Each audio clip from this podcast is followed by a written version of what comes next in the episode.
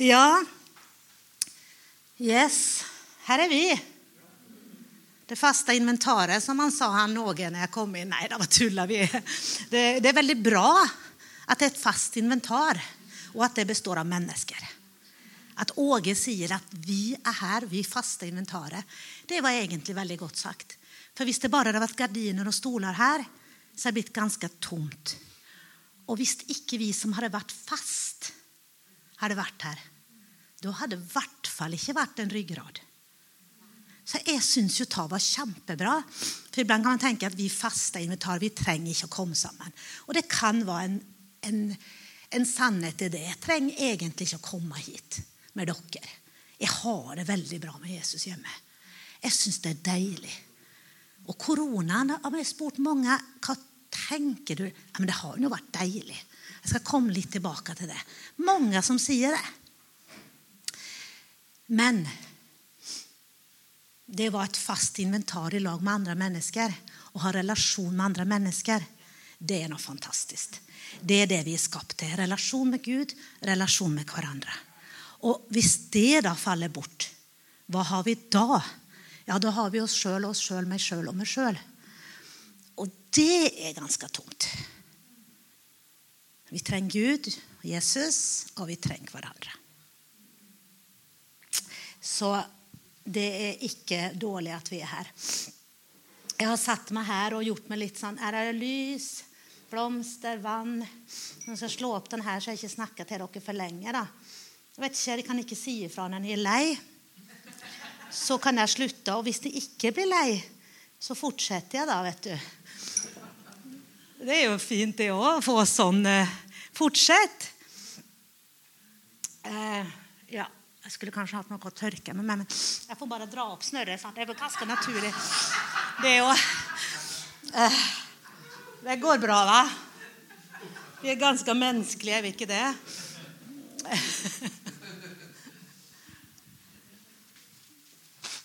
Jeg fikk mye sånn her, så det kan bli mye tårer da.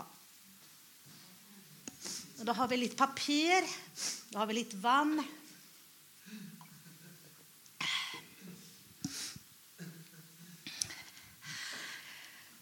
Er det noen andre her som heller ikke ber så mye som dere burde?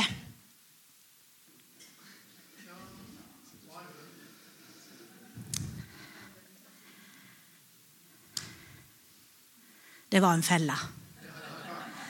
Jeg så Jan Tore rekte ikke opp panna. Det var bra Jan Tore. Han holdt det for god for å rekke opp panna der. Det var dette med buddhismen, da.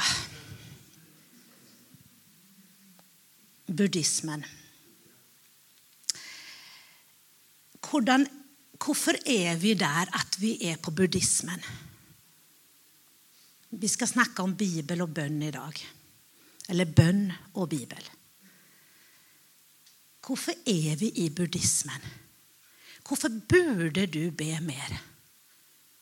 Ester rekte opp handa. Skikkelig dårlig samvittighet her nå, for hun burde be mer.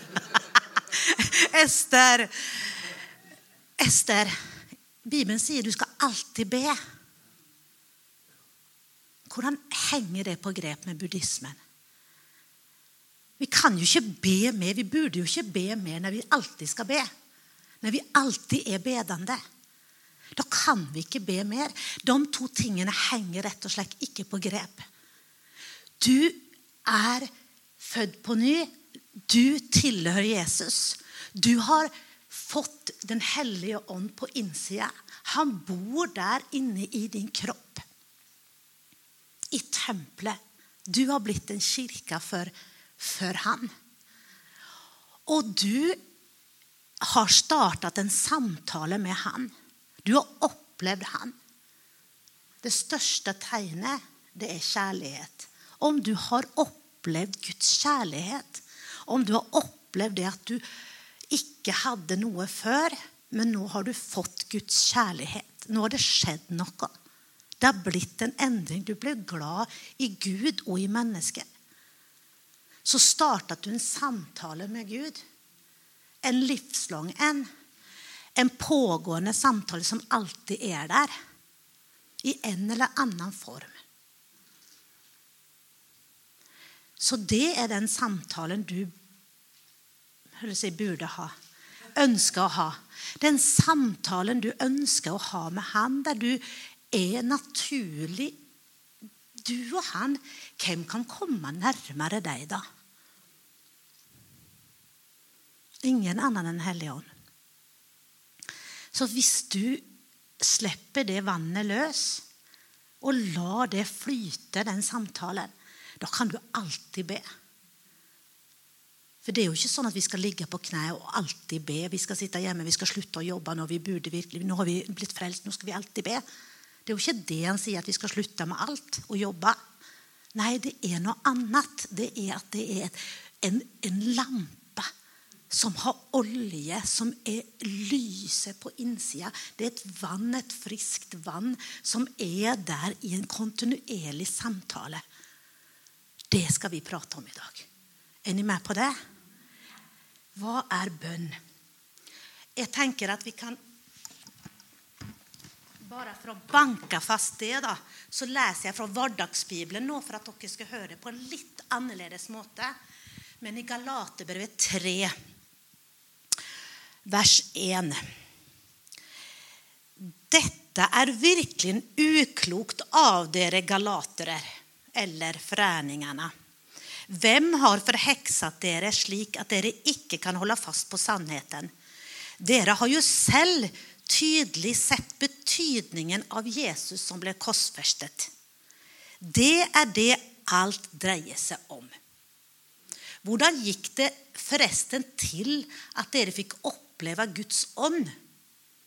Fikk dere ånden som et resultat av at dere hadde lyktes i å holde hele Moseloven og alle de religiøse budene? Eller fikk dere ånden som et resultat av forkynnelse og tro? Dere er vel ikke så dumme at dere velger å slite dere gjennom livet ved bruk av deres egne krefter? Et, etter at dere har opplevd hvilken enorm hjelp det finnes i åndens kraft. Har dere erfart så mye forgjeves? Nei, jeg nekter å tro at, dere, at det var forgjeves. Han som gav dere ånden, er fortsatt hos dere med sin enorme kraft. Er han, er han hos dere fordi dere er så religiøse og lydige, eller fordi dere tror på Han. Så her slår altså fast at er det sånn at det var de religiøse pliktene og oppgavene som gjorde at dere strevde dere fram i livet? Er det det som driver oss kristne? At vi ber nok, at vi gjør nok? At vi har de rette strukturene, de rette strategiene, de rette tingene å gjøre, de oppgavene? Eller er det at vi husker på at det var Ånden som ble gitt med enorm kraft til å leve våre kristne liv? Han vil ikke tro at det var forgjeves. Han vil tro at det var virkelig det vi skulle leve ut ifra.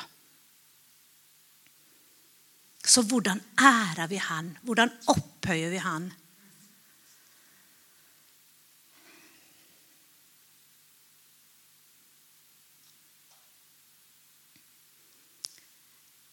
Det er en del pastorer som har sagt at dette var en god tid å få litt fri. Koronaen var nå en velsignelse der, da. Nei, ikke en velsignelse. Det var feil. Det var totalt feil. Nei, men det var, det var godt. Og jeg hørte og leste om en lovsangsleder som syntes at det var godt. En landskjent lovsangsleder. Hvorfor syntes han det var godt, skrev han. Det var for at han hadde gått fra prosjekt til prosjekt. Og han hadde ikke stoppa, han hadde ikke landa noen sted imellom. Kalenderen var full. Og han ville ikke tilbake til det. Det var hans konklusjon etter korona. Jeg vil ikke tilbake. Og Jeg hørte en annen pastor si jeg vil ikke inn i hamsterhjulet igjen. Et hamsterhjul? Det står det ikke noe om. Spring, spring, spring, spring, spring. Fort, fort, fort, fort, fort. Lovsangslederen skrev en sang. Du er elsket. Du er elsket. Han hadde ikke kjent det på så lenge. Han skrev og sang sangen for forsamlingen. Og når han dro hjem i bilen, så grein han. For han hadde ikke opplevd Guds kjærlighet på lenge. Hva hadde kommet imellom? Det var ikke fengsel og forfølgelse og alle de her tingene som kan komme imellom, som det står. Men det var førstekjærligheten. Det var nærheten til Jesus selv. Noe hadde kommet imellom som var buddhismen oppgavene han hadde i kirka. Oppgavene, tjenesten, burdebønnene, burdegjøre, det religiøse. Mens Gud hadde kalt han inn i en samtale, inn i nærhet, inn i et fellesskap med han, der han kjente seg elska, og der han fikk lov til å høre og gjøre hvem av oss kan si 'Jeg gjør bare det jeg ser Faderen gjøre', og jeg gjør ikke noe annet? Hvem av dere gjør, gjør det? Nei, Hvis ikke Jan Tore gjør det, så gjør jo ikke noen av oss det. Altså, Tenk at Jesus gjorde ingenting annet enn det han så Faderen gjøre. Og han var Guds sønn. Jeg får nesten lyst til å legge ned mitt eget. Jeg får nesten lyst til å legge ned strevet mitt. Jeg får nesten lyst å legge ned det og si jeg vil også gjøre det jeg ser Faderen gjøre. Jeg tror noenstans at det kan bære frukt. Jeg ser, jeg ser at det kanskje bærer fram. Kanskje det er løsningen. Kanskje det er det. Nå snakker jeg fra mitt eget liv òg. Jeg hadde i, i, i sommer så valgte jeg å gå en pil, ha noen pilegrimsdager. Og jeg veit ikke med deg Hvis du tenker på noen, Nå skal du tilbake litt i, i tankene og lete litt i kartoteket ditt inni hjernen din. Men når du gikk, når du var barn, kan du huske noen stier og noen veier? Kan du huske på noen noen opplevelser når du gikk noen veier eller noen stier gjennom noen buskas, når du gikk noen sted som var betydelsesfullt, kan du erindre deg om at der var det noen lukter, der var det noe spesielt. Når du gikk inn der på sommerstedet, eller der Jeg husker når jeg gikk, når jeg kom til Finland et, en gang i året og gikk fra min mormor til mitt søskenbarn. Det er nesten så jeg griner. Når jeg skulle møte dem for første gang en gang i året. Og jeg gikk den veien med masse markjordbær, lukten, og jeg snart gikk forbi svingen og skulle møte dem. Det, liksom, det sitter igjen. De stiene, de veiene. Og vet du hva? Når vi vandrer på Guds veier og Guds stier, når du og jeg har erfart Gud, der vi har gått fram, så har vi noen gode opplevelser der du har møtt Gud.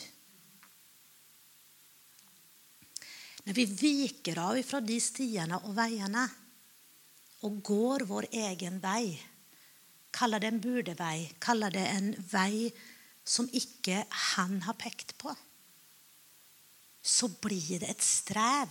Det blir opp oppgavene. Det blir et fokus på noe annet. Jeg har opplevd det. Opp, jeg, jeg, gikk på de pilegrimsdagene, og jeg gikk bokstavelig i Salme 25. Jeg kan ta med det med en gang her nå. For det er jo sånn at Bibelen snakker fryktelig mye om veier og stier. Noe utrolig. Hvorfor gjør han det? Salme 25 og vers 4. Vis meg, Herre, Den står jo bedre i en annen oversettelse her nå. da. Hvis det er noen som kan lese, veldig når, hvis du leser med høy stemme, fra vers 4 eh, til 5. Vis meg dine veier, Herre. Lær meg dine stier. Led meg i din sannhet, og lær meg, for du er min frelses Gud. På deg venter jeg hele dagen. Ja. Lær meg dine veier, led meg på dine stier. Det er noen ledelse, det er noen veier, det er noen stier. Det er noe vi lærer oss når vi går på hans veier. Han snakker om stier og veier. Når jeg gikk på pilegrimsdagene, så gikk jeg jo på stier. Og jeg gikk og tømte hodet mitt og gikk der og tenkte. Og det er noe, sunt med det å røre seg. Det er noe, godt med det å tømme og bare gå. Og både det med den friskheten og det at blodet er gjennomstrømming. Men det er nok også noe mer. Noe godt som kommer inn. Man får gå med sine egne tanker. Jeg vil si at det er bønn. Jeg gikk der i bønn, og jeg gikk der med mine tanker. Og jeg gikk der og memorerte på hans sine stier og hans sine veier. Og plutselig så sier han den veien du har gått på, det har vært en oppgavevei. Og jeg var den første til å strekke opp hånda og si ja, herre. Her har du Marte. Jeg har fått en Marte-karakter. Jeg er så kjapp.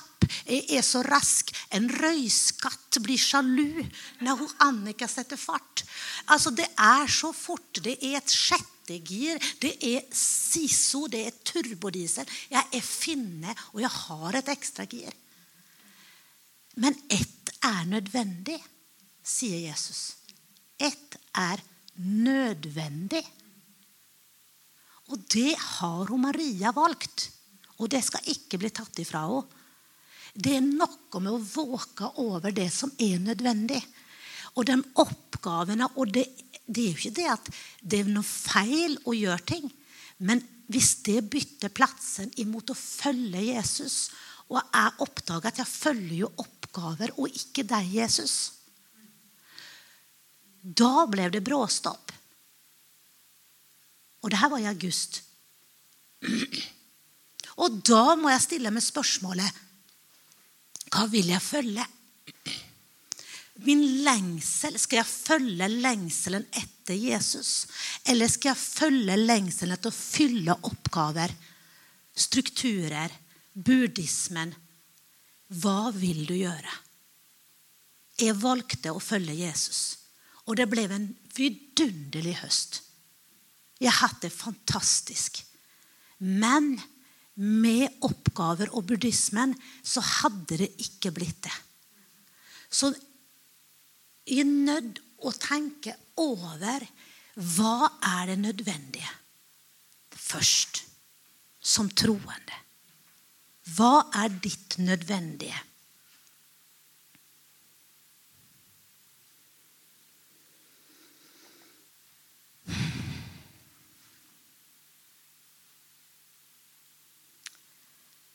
Hva er bønnens dypeste vesen? Er det en aktivitet? Er det et krav? Eller er det en samtale, en relasjon, en dialog? Er det en enveisdialog, eller er det en dialog toveis? Hva trives du best med? Å snakke til Gud eller å bli snakka til? Det er bare å stille noen spørsmål. Det er lett at vi snakker til Han, men vi trives også når vi får tenke på hva Han sier til oss. Det er liksom bare å reflektere over det. Hva er, hva er godt for deg? Skal lese Galaterbrevet 2 og 20.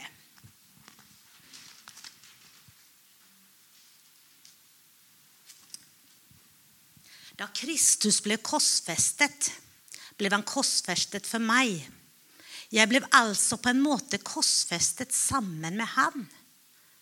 Derfor lever jeg ikke lenger livet mitt for meg selv, Nå er det Kristus som skal leve sitt liv gjennom meg. Det liv som jeg nå lever her på jorda, skal preges av min tro på Guds sønn. Han som elsket meg og ga seg selv for meg. Budskapet om Guds nåde må tas på alvor. Det er helt avgjørende. Hvis noen kunne bli frelst ved å følge religiøse bud og regler, så hadde Kristi død for oss mennesker vært forgjeves. Hvis noen kunne bli frelst, lykkes, fått et sunt liv, blitt reddet ved å følge religiøse bud og regler, så hadde Kristi død for menneskene vært forgjeves. Det livet jeg nå lever på jorden, det må preges av min tro på Guds sønn, på Jesus. Det må ikke preges av strukturer og oppgaver, buddhisme og må og det. Men det må preges av Guds sønn, han som elsket seg og ga sitt liv for meg. Budskapet om nåde, om Guds kjærlighet, om Guds godhet som driver oss. Har vi glemt det? og fylt våre kirker med religiøse ritualer, strukturer, kan det tenkes at vi kommer ut av korona med en ny tanke om kirka, om enkelheten i evangeliet? Kan det komme noe godt ut av at vi ikke går i de vante mønstrene? Kan det være noe som man må kaste bort? Kan det være noe annet vi må hente fram? Kan det være noe som vekker oss? Eller er det bare en trussel for vårt eget gudsliv at vi, at vi ikke lever sammen, at vi blir sløve, at vi faller ifra? At vi i den siste tida så skal kjærligheten kalne. Kjærligheten, agape-kjærligheten. Det er Guds type kjærlighet. Det er oss kristne, det. Det er vi som har opplevd Guds type kjærlighet. Det er ikke de utenfor. Er det vi som skal kalne og bli lunkne? Så at det er på en måte han vil utspy oss ut av sin munn. At vi ikke kan være der inne. Tror vi at det er gullet og alt det, det glimrende vi har hvis vi ikke lever med Gud, at det er det vi skal følge og bli kalla? Eller skal vi bli varma og la Han komme inn og ha måltid sammen med oss? Han med meg og jeg med han. En kommunikasjon. Det er han som har bøyd seg ned. Det er han som har tatt oss inn til. Du var ingenting uten at Gud tok deg. Han, det var han som bøyde seg. Det var han som kom til deg. Du sa ja, jeg ville oppleve. Du fikk bytta bort det harde hjertet mot et kjøtthjerte. Fikk en følelse av samvittighet, av kjærlighet, fred og glede. Du fikk det livet du slapp å bare leve et liv i kjødet, i den gamle mennesket. Nå fikk du et åndens liv. Ja, kjempestrevsomt at de står imot hverandre. Kjempestrevsomt at du blir frista på samme måte som alle andre og med kjøttets gjerninger. Skikkelig ille fristende hele tida. Men lever du i ånden, så skal, du, skal det være lett for deg å følge åndens frukter og åndens gjerninger. Men det er en kamp. Men du er ikke der at du ikke har ånden. Er du takknemlig for det? Er du takknemlig for at du fikk ånden? Fikk åndens frukter begynte å, begynte å mogne i deg? Jeg tenkte vi skulle ta litt av åndens frukter. Vi kan hoppe dit med en gang. Vi er jo der nå. Dette er jo bare en samtale, deg og meg. Jeg får bare ta det slik.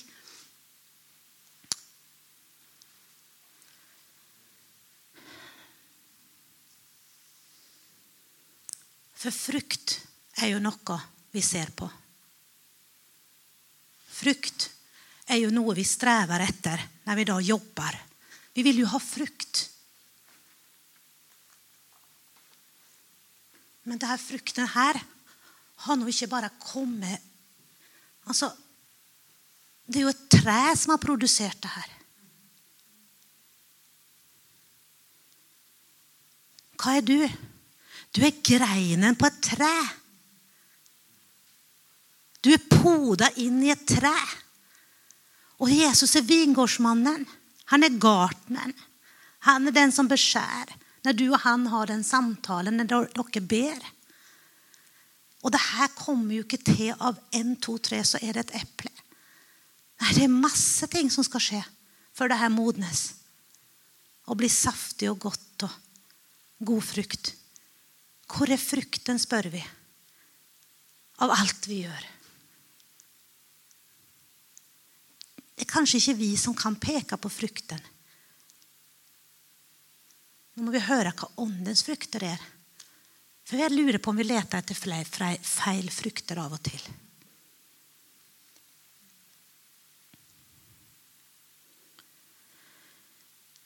Og det er jo det at det treet trenger jo vann og næring. Det var så bra når du begynte. Jeg tenkte treet trenger vann og næring. Du trenger å nære deg på Bibel og bønn. Du trenger ikke noe annet, men Bibel og bønn, det må vi ha. Det er næring, og det er vann. Så når vi slutter med det, da er det litt.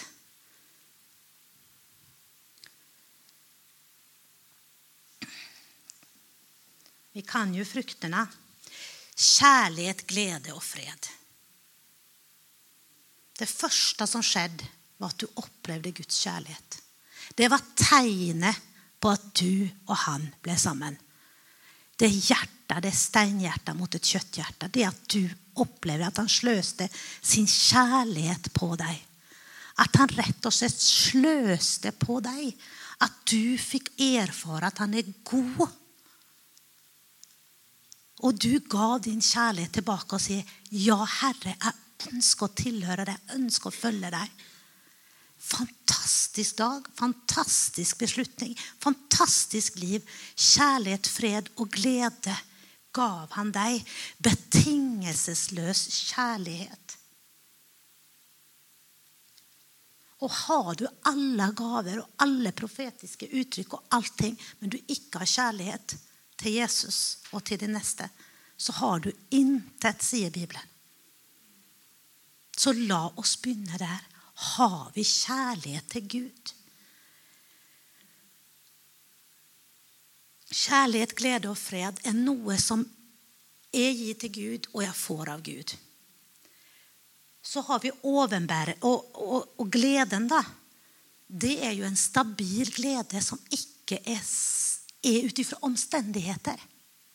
Den åndens frukt, den gleden, det er ikke ut ifra omstendigheter, men det er en vedvarende glede i Han som kan modnes fram og gjøre deg stabil.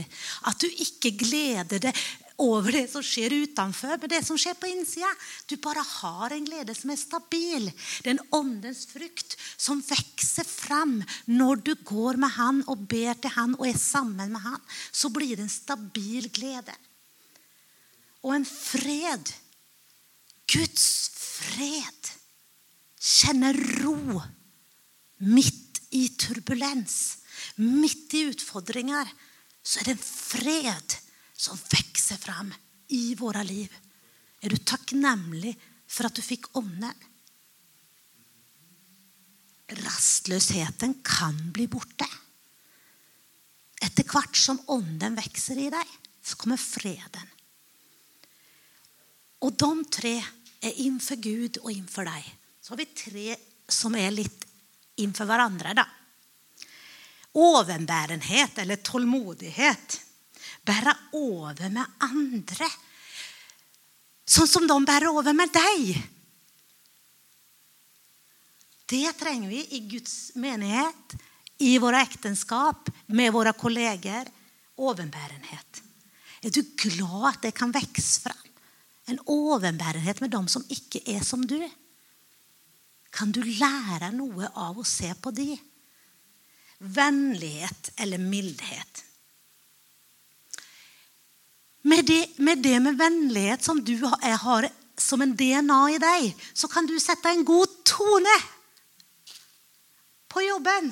Det er ikke vanskelig for deg, for du, kan, du har fått det her som en åndens gave.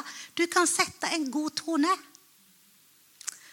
Og den dagen det er en hard tone, så sier Ordspråksboken 25 15 at en mildt ord, det knuser bein. Og I samme verset så står det også om selvbeherskelse osv. Ordspråken 25, 15 er vel verdt å lese. Der står det om åndens frukter. Salomo peker på åndens frukter. Nesten, Jeg skal slå det opp. Er ikke det stilig at åndens frukter er nevnt på mange steder?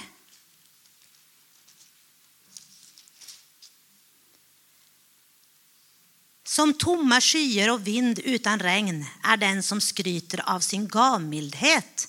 Med tålmodighet og selvbeherskelse kan man overtale en mektig mann. Milde ord knuser bein. Tålmodighet og selvbeherskelse kan altså overtale en mektig mann. Det er så mye sterkere hvis det her får vokse fram selvbeherskelse. Hva er det? Hva er selvbeherskelse? Du blir ikke med ut i krisen. En mektig mann. Du står på din post. Du blir ikke med ut i krisen. Du lar deg ikke trigge til å bli med ut i krisen. Du lar deg ikke trigge til å bli maktgjerrig, til å hevnes, til å ta andre grep for å vinne.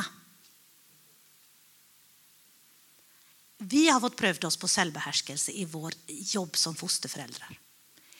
Hvis vi blir med ut i krisen, da er det krise. Da er det fullstendig krise. Når en guttunge skal hoppe ut fra andre etasjen for at raketten gikk feil vei på nyttårsaften Den ikke, gikk ikke dit han ville. Makt. Manipulasjon. Og han sitter og truer med å hoppe. Hva gjør du da? Du må bare gå ut av situasjonen.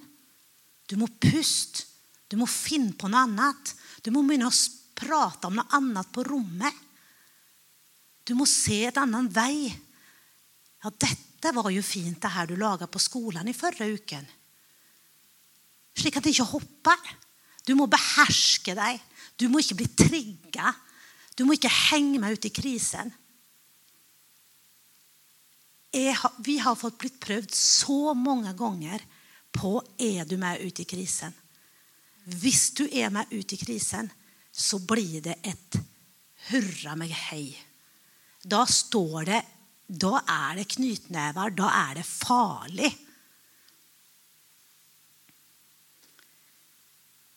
Sitte i båten stille mens det skjer rundt deg, er selvbeherskelse. Overbærenhet eller tålmodighet, vennlighet og godhet. Det er ting vi trenger med for hverandre. Godhet overvinner det onde med det gode. Du har altså fått godhet som kan overvinne det onde med åndens frukter. De tre trenger vi overfor hverandre. Så de siste tre trofasthet. Det du holder det du lover. Du gjør det du er satt til. Du er ærlig. Ydmykhet. Du kan si unnskyld. Du kan ha en ydmykhet innenfor en situasjon. Det er kanskje ikke ditt perspektiv bare. Du er kanskje for nær en situasjon for å reagere rett. Kanskje du må ha litt distanse for å se den situasjonen. Det skjer så mye rundt oss i våre familier. Vi må ha en ydmykhet i forhold til det vi hører og ser. Så trofasthet, ydmykhet og selvbeherskelse ikke blir med ut i krisen, det er ting du trenger.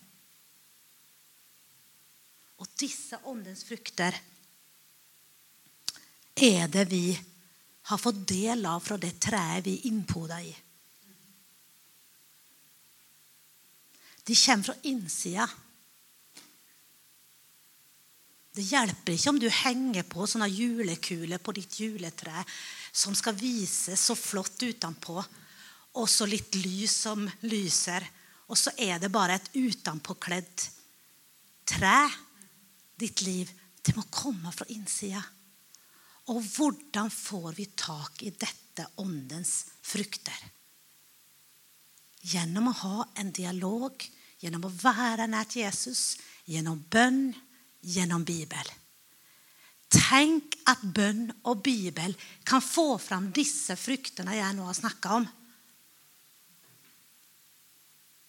Dine enkle bønner, dine bønner du ber i ærlighet, i sannhet. Ikke som Matteus 5 og 6, eller 6 og 5, er det vel, beskriver at de ramser opp bønner. De er hykleriske. Det er et skuespill. Det er som et dingle, juletre med dinglende kuler og masse stæsj som alle andre skal se på. Det er ikke et troverdig liv som settes fram, som alle andre kan nyte fruktene av. Dine kolleger, dine medmennesker, din familie, din menighet. Det livet Gud egentlig har skapt, skal komme fram fra hans sine veier og hans sin sti.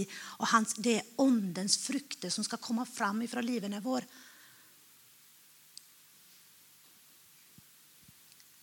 Nå i korona så passer det veldig bra å lese akkurat Matteus. Når du kommer hjem, lukk din dør. Inn i ditt lønnkammer. Be til Han som ser i det skjulte. Han kan lønne deg i det åpenlyste. Var ikke som hypokratene. Han veit hva du trenger, før du ber han om det. Og Da går vi videre til hvordan kan du be?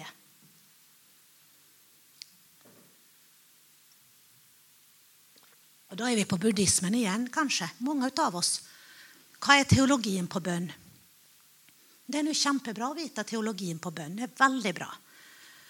Tradisjonene. Hvordan ber vi her i våre kretser? Hvordan ber de der? Er det rett? Er det feil? Ja, det gir oss litt ulike ting. Noen liker rop.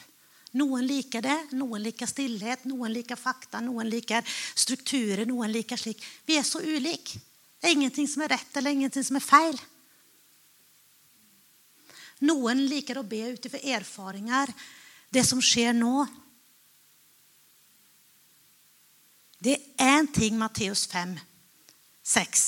6 er det, tror jeg. Hold ikke fokus på bekymringer. Trenger, han veit hva du skal ha. Han veit å kle fuglene. Han veit alt. Så du trenger ikke å bekymre deg. Ikke hold fokus på materialismen. Du kan ikke blande Gud og mammon. Pass på at din skatt er på rette sted. Det er en annen ting. For der ditt, din skatt er, der er ditt hjerte. Og hvis ditt hjerte skal være hos Jesus, så må du ikke springe etter de andre tingene. Døm ikke for at du selv ikke skal bli dømt. Har du noe ugjort, så skal du legge ned. Skal du gjøre opp før du gir din gave. Det er snakk om penger. Det er fokus i bønn. Der har du en oppskrift. Bare gå hjem og les. Og Derimellom har du Fader vår, for de visste ikke hvordan de skulle be. Så de spurte om vi må lære oss å be. da. Ja, Herre Fader vår. Men den kan vi. Men der har du oppskrift i bønn hva du ikke skal ha fokus på. Og det er mye av de tingene som på en måte utfordrer oss. Materialistiske bønner. Ja, Gud vil du skal ha et hus, du vil du skal ha en bil. Han vil det, han vil gi deg alt det her. Og så står det jo også det søk meg først, så skal du få alt det andre i tillegg. Det er bare liksom lagt inn der som en bang-bang. Midt oppi alt som du ikke skal, så bare bang.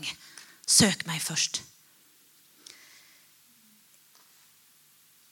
Jeg tenkte jeg skulle si noe bare helt til slutt om hva jeg tenker som jeg har lyst til å dele i dag. da. For det er mye å si om bønn. Eh, men jeg tenker at bønn er en livsviktig kanal for å få utløp for det som røres i ditt hjerte. Det er en kanal, det er et pusterom, det er en ventil. Det er noe som gjør at ditt, ditt liv blir sunt. Ikke hopp over bønnen, kjære menighet. Nå snakker vi til kirka vår i dag. Hvis vi kunne vært en kirke som hadde en samtale med Gud pågående, en, en ransakende samtale, en god samtale, en sunn samtale, bønn og Bibel. Og Derfor skal jeg ta noe fra Bibel, en bibelbønn nå. Men det er altså noe som er godt å ha i livene våre, at vi kommer framfor Han ikke bare med festreiser, men også med klagen, også med det som er vondt, med skuffelser, med sorg, med sinne. Alle vet at hvis det blir kapsla inn, så stjeler det energi. Alle i verden vet det. Og klagesalmene vet det. Bibelen vet det. Vi vil pynte på fasaden når vi kommer for Gud og sier Gud, jeg ber bare sånne gode, fine bønner nå. Nei, men Si til Gud jeg er skuffet. Jeg er lei meg. Jeg skammer meg for at jeg har fulgt oppgaven og ikke deg. Jeg er så bedratt. Altså, bare si Gud, men Og da begynner en samtale, et landskap, å formes i mitt liv. Ja, men du lengter etter noe annet. Ja, jeg lengter etter det som gir meg liv, Gud. Jeg lengter faktisk etter å følge deg. Jeg husker hvordan det var. Jeg kjente jo ditt nærvær så godt der og der og der. Jeg kjente jo at du elsket meg. Jeg kjente at du talte til meg. Jeg kjente at du så meg. Du rørte ved meg. Alle dine sanser, Gud, var utstrekt mot meg. Slik at jeg også kunne si, 'Jeg hører deg'. Nå ser jeg deg med mine indre øyne. Nå vet jeg hvordan jeg skal gå. Nå er jeg ikke forvirra. Du taler til meg. Jeg smaker og kjenner at du er god. Hans sanser er utstrekt mot meg. Han hører meg, han ser meg, han taler til meg. Jeg må også respondere til han. Det forsvinner når vi strever, når vi burde.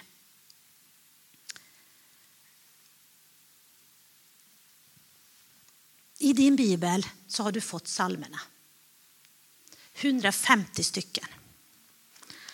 Hvis du leser en salme hver dag, så har du lest to salmer i året. I hvert fall. Salmene Erlend og jeg har gjort det slik i løpet av to-tre år, tror jeg. Han fikk det rådet en gang når han var i Sverige, hos Peter Hallof på det her slottet hans. Innenfor en jul var han og Peter, Stefan Kristiansen der på en mansretreat, stille retreat. Det skulle være stille. Da fikk han eh, det rådet av, av de veilederne han gikk til en samtale. Les en salme om dagen. Les den gjerne med kona di annethvert vers. Det har vi gjort hver dag. Det er en vane. Vi trenger gode vaner. Vi trenger en plass der vi går inn i vårt lønnkammer, stenger vår dør. En god stol, en plass. Eller der du vandrer en promenade om dagen, eller der du sitter i bilen. og du har en plass der du har gått inn i lønnkammeret ditt. Men salmene den sier noe om Gud. De sier noe om grunnlaget i Gud. Og hvis du alltid ber eller tenker at du skal be ut ifra dine erfaringer, etter det som skjer, etter hva du tenker her og nå, så er det det du ber ut ifra. Men tenk deg sjøl om salmene kan bli en grunnvoll som du bare kan Du bare Wow! Jeg merker at det kommer en stressfaktor i livet mitt. Det kommer noe som bare jager meg imot noe. Og jeg bare kommer på Nei, Salme 23, den har jeg jo lest. Den står Han la meg ligge på grønne enger. Han leder meg til hvilens vann. Han fornyer mitt indre. Han sier at godhet skal jage meg etter meg alle mine livs dager. Hvis jeg har lest det, så er det det som popper opp. Nei, men det her er godhet skal etterjage meg. Dette som kommer nå, det er ikke godt. Jeg tar Guds ord. Jeg har et grunnvoll. Jeg har satt Bibelen som en grunnvoll i mitt liv. Og det er så lett at våre bønner og vårt bønneliv kun blir preget av det vi opplever her og nå. Men hvis bønnene begynner med en grunnvoll der Guds ord er grunnvollen, og det er mitt tips i dag, det er salmene. Du trenger mer for å bli overbevist, ser jeg. Salme 19. Jeg bare slår opp vilkårlig. Herrens veiledning er fullkommen.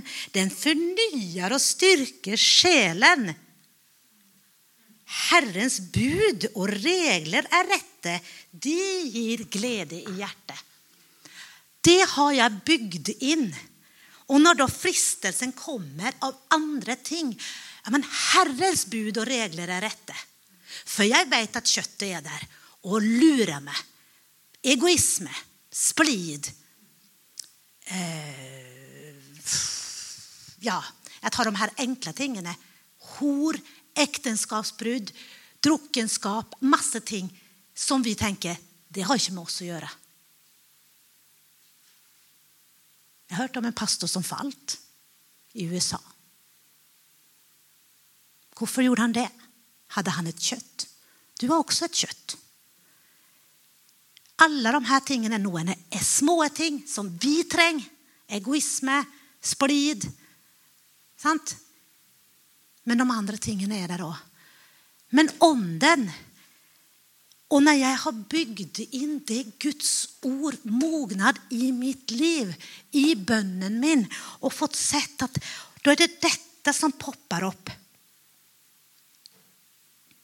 Men du har sett det, Gud, står det her.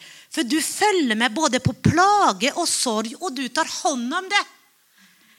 Står det virkelig i Salm 10? Jo, det gjør det. Du følger med mine plager, og du tar hånd om det. Jeg får det inn i min sjel. Gud tar hånd om mine plager, og jeg møter plager.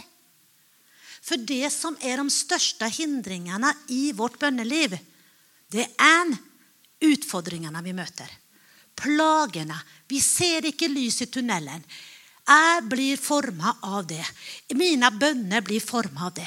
Jeg ser ikke lyset. Det er utfordringer både over og under, og det er helt mørkt.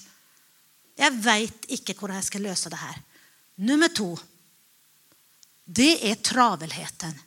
Det er stresset. Alle har lekt med en bilbane som går rundt. To biler som kjører om kapp. Sånne svarte bilbaner, og der far de her bilene fortest mulig fram til mål. Hvem vinner? Det ligner på ditt og mitt liv iblant. Vi har ikke sjans å stoppe opp. Vi skal vom. Fra det ene til det andre. Travelheten, stresset, er en rot som tar det åndelige livet bort fra oss. Det, det tar det åndelige livet rett og slett bort fra oss. Travelheten, stresset, gir oss ikke ro. Hvem ser for seg at den gode hyrden i Salme 23 var på den bilbanen? Han la meg lede meg til hvilens vann, nei, til vann der jeg finner hvile. Eller hvilens vann. Han er den gode hyrden. Er det han som pisker på deg for å vinne det løpet? Kanskje imot din nabo eller din medkirke, den kirka ved sida av deg. Jeg tror ikke det er sånn her. Men det er ikke en konkurranse, og det er ikke en sammenligning. Og det er ikke et racerløp vi er satt til. Vi er satt til å hvilens vann, til ro og fred og et rofylt liv. Vi skal be for overheten, for at vi skal få leve et stille og fredelig liv. Men hvem er det som pisker oss opp, da?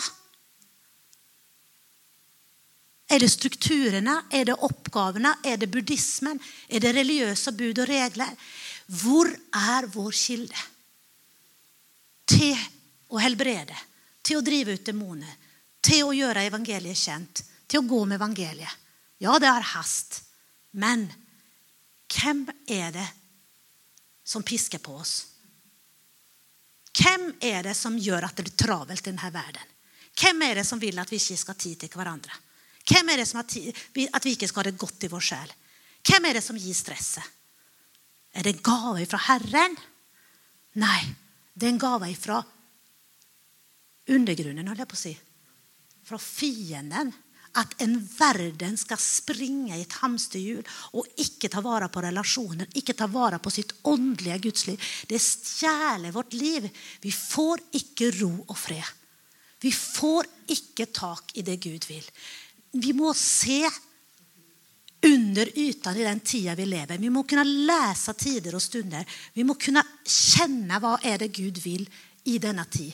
Hvis vi lever akkurat som verden og vi ruser på, og vi har ikke Gud, Jesus, hans kjærlighet, hans åndens frukt, ro og Bibelen i bunn. Vi, vi bare gjør og springer og bekymrer oss og klager og dømmer. Og vi får ikke syn. Det han så Faderen gjøre, det gjorde han. Forbli i meg. Ta ordet har virkelig runga i meg. Forbli i meg, Annika. Forbli i meg. Forbli i meg. Altså, det er så mye som vil trekke meg bort ifra det. Forbli i meg. Ett er nødvendig. Marte, ro det ned. Jeg kjenner personlighet. Jeg er fortsatt veldig glad i å gjøre ting. Men vi må, jeg må, jeg må streve etter det der som er nødvendig. Å gå inn for Han. Og det å bygge inn Guds sannheter i mitt liv. Det å ta salmene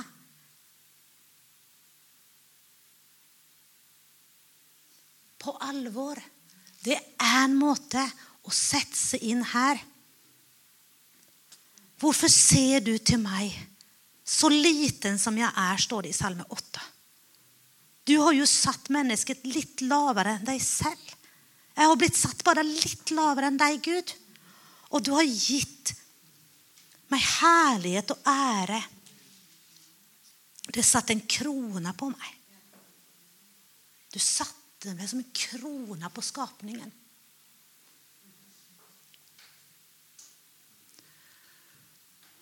Vi er satt over dyrene. Vi er skapt som mennesker. Vi trenger verktøy.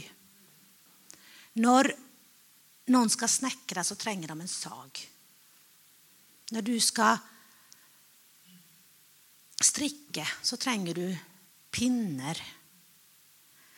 Når de skal jobbe med revisjon og regnskap, så trenger de i dag en datamaskin.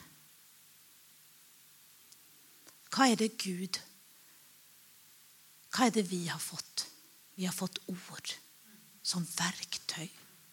Ord til oppbyggelse. Ord kan rive ned, ord kan bygge opp. Ord kan styre ditt liv. Ord, bønn, er ord. Skapa med dine ord. Bønn er ord. Bibelen, det levende ordet. Brødet som bygger oss opp. Vi har fått ord til å forvirkelige og be og si ting og styres etter. Ord er et verktøy også innenfor Gud. Han taler til oss, og vi taler til han. Bønn er ord fra han til deg som en dialog. Det er et verktøy du trenger. For, en kristen du trenger bønn. Du trenger Bibelen. Det var mye forskjellig prat om bønn og forskjellige innfallsvinkler og mye, mye rundt omkring. Men jeg tenker et hovedbudskap til oss her nå Fall til ro og kjenn at Herren er der. Sett deg ned med Guds ord, med Han. Åh, ro deg ned, menneske. Ta det ene som er nødvendig, og hør hva Han sier til deg denne tida. Og kom tilbake til Jesus. Ikke oppgaver, ikke buddhisme, ikke retta lærer. Det er bra. Vi må ha retta lærer. Men ikke vær religiøs i dine bud og regler mot deg sjøl eller andre. Men vær Prøv.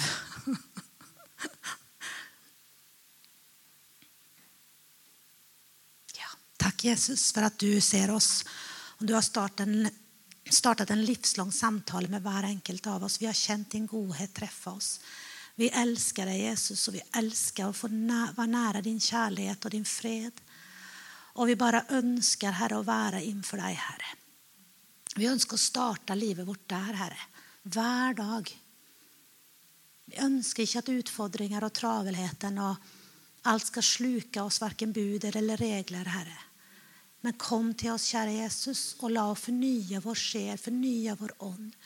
Takk at du tåler oss, takk at du tåler å høre og alt vi har, Herre. Alt vi opplever. Å, Jesus, jeg bare takker deg for at vi får følge deg, Jesus. Vi får følge det vi lengter etter. Det som er livsbejaende. Det som gir oss liv. Ikke det som tar liv, men det som gir oss liv.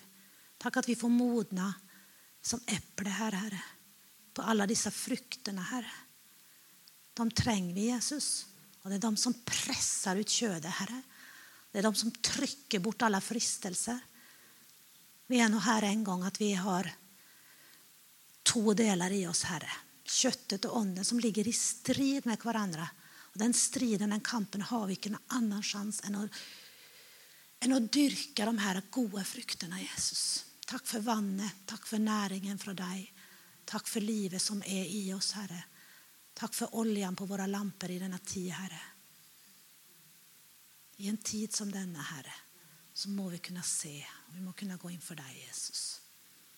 Og forstå hvordan vi skal leve våre liv akkurat nå. Hva som skjer rundt oss, Herre. Amen.